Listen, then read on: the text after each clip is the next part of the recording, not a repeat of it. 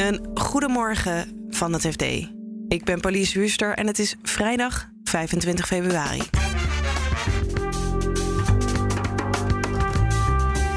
Gisteren ontwaakte de wereld met het nieuws dat Rusland Oekraïne was binnengevallen.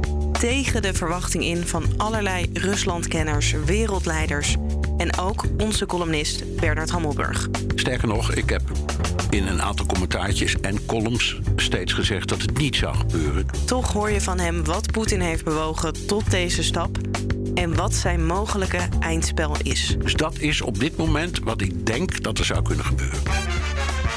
Dit is de dagkoers van het FD.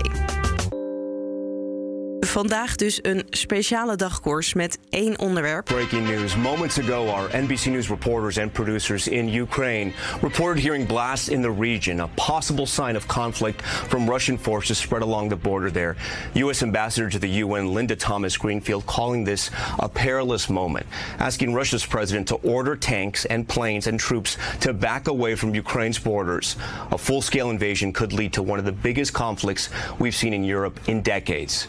US intel warns that as many as 50... Want ook in de wereld van het FD is natuurlijk de inval van Oekraïne het belangrijkste nieuws. We gaan proberen je een inzicht te geven in wat er is gebeurd, wat dit betekent en wat Poetin heeft bewogen om dan echt Oekraïne binnen te vallen.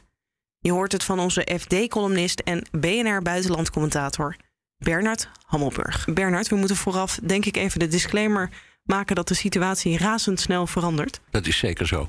En wij nemen dit nu op. En het kan best zijn dat als we direct de deur achter ons dicht doen van deze studio, dat het allemaal weer helemaal anders is. Ja. Dat moet je niet uitsluiten.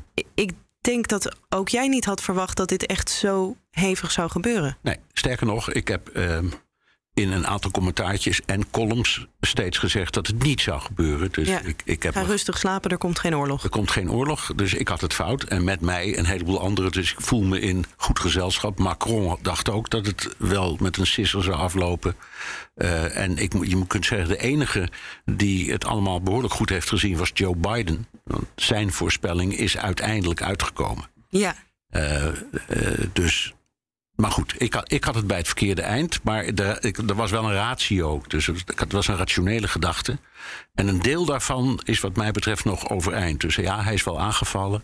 Maar dat kan ik ook best direct uitleggen. Ik heb niet de indruk dat hij heel Oekraïne wil hebben of bezet, bezetten. Ja, dat, want, is, dat is niet zijn strategie. Want, want, hoe denk je toch dat dit, na die initiële onderschatting, toch wel van Poetin, eh, van, van jou en de staatshoofden over de hele wereld, hoe, hoe kan het dat wij dat toch niet goed hebben ingeschat? Nou, uh, omdat we niet zo goed zijn als we zelf denken.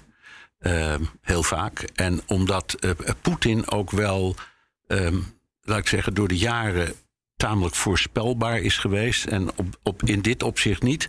En het teken aan de wand, dat hebben wel heel veel mensen gezien, was die woedende toespraak die hij hield. Ja, als, aan, aan, als aankondiging van actie tegen Oekraïne.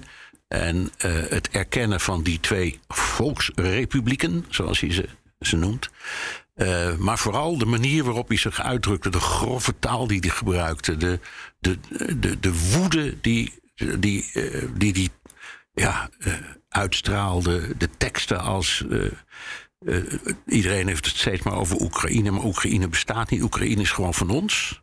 En ja. het was zo duidelijk dat, dat, dat, dat was wel een heleboel heel, een moment waarop veel mensen dachten: nou, het zou toch wel mis kunnen lopen. Of wat je ook hoort van mensen die. Uh, ik, ik, ik, ik zag Jaap de Hoofd Scheffer op, uh, in een televisieprogramma die veel met Poetin heeft uh, onderhandeld en gesproken in de tijd dat hij secretaris-generaal van de NAVO was. En ook die zei: ik had hem nog nooit zo gezien. Het nee. past helemaal niet in het beeld.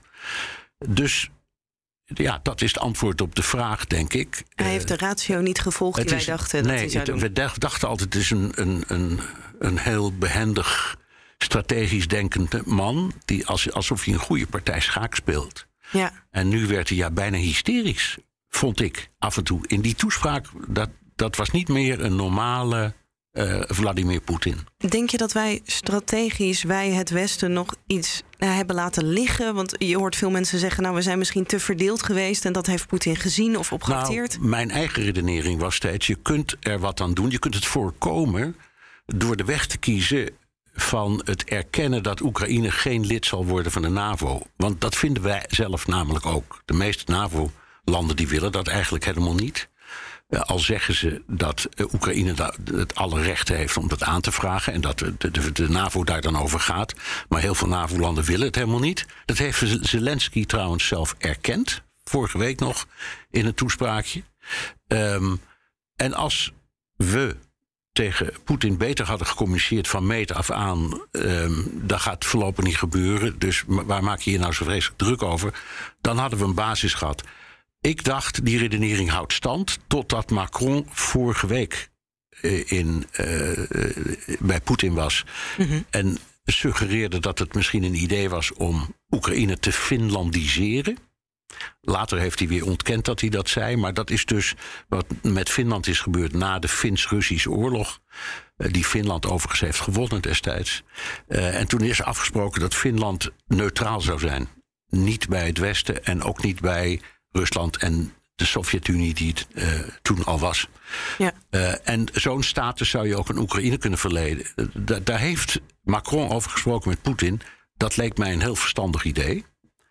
En klaarblijkelijk, uh, dat heeft niet gewerkt. Nee. Dus hij was toen al zo in razernij dat hij daar ook niet meer naar wilde luisteren. Heel lang antwoord, maar ik denk dat het antwoord op de vraag is: eigenlijk is bij nader inzien hadden we er niks aan kunnen doen. Hij was het al zo duidelijk van plan, het was niet tegen te houden. You know, look, we have reason to believe the Russian forces are planning to uh, and intend to attack Ukraine in the coming week. Ja, je zei net even al, Joe Biden die heeft het dus blijkbaar bij het uh, rechte eind gehad. Is dat dan um, dat zij betere intelligentie hadden? Ja, nou ja, ze hebben hun CIA en DIA, dus de Defense Intelligence Agency. Dat, die twee diensten die zijn grandioos. Die, die hebben ook niet altijd gelijk, maar hun rapportages zijn fantastisch. En wat hij dus heeft gedaan, denk ik, is dat hij uh, alle informatie die hij van de CIA en DIA kreeg, dat hij die is gaan delen met het publiek. Wat zeer ongebruikelijk is, want normaal wordt dat gefilterd en daar wordt dan een narratief bij bedacht voordat je het openbaar maakt. En soms hou je het voor je en zeg je helemaal niks. Ja.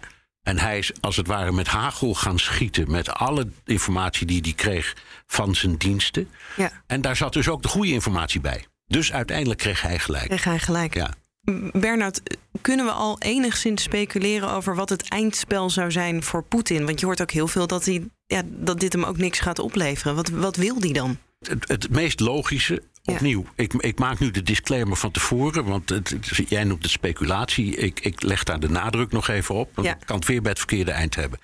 Maar er, een, er zit een zekere logica in wat we hebben gezien tot nu toe. Het bombarderen van allerlei vliegvelden en militaire installaties, commandocentra rondom grote steden, eigenlijk door heel Oekraïne heen.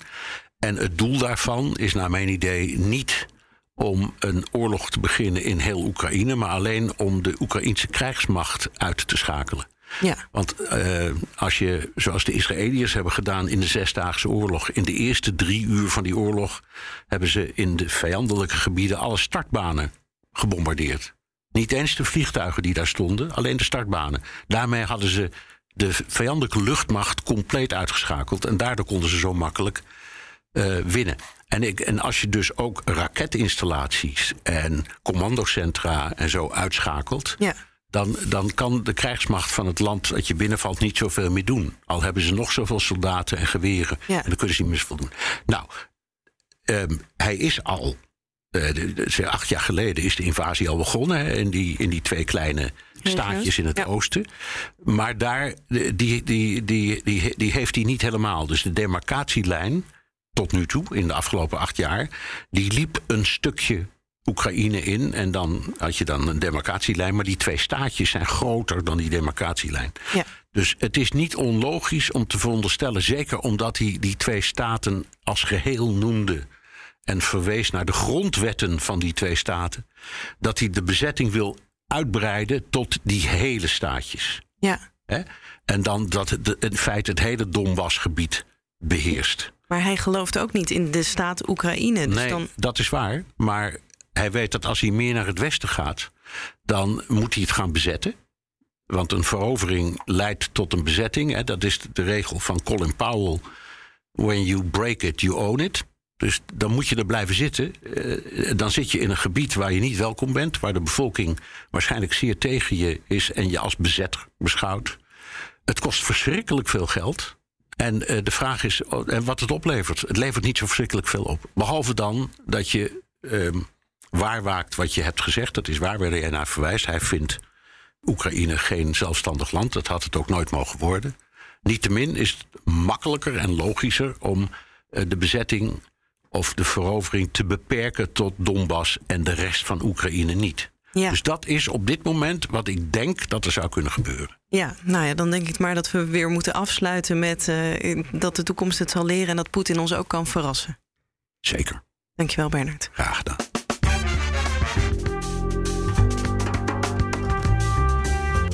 Dit was de dagkoers van het FD. Om de economische gevolgen van het conflict in Oekraïne in de gaten te houden, dan kan je natuurlijk FD.nl volgen over al het laatste nieuws over sancties, de beurzen, de reactie van de grondstofprijs, zorgen om een nog hogere inflatie. Allemaal te vinden op onze website. En maandagochtend zijn wij weer te vinden in je favoriete podcast-app. Zoek dagkoers even op en klik op abonneren. Dan staan we automatisch weer na het weekend voor je klaar. Alvast een heel fijn weekend en tot maandag.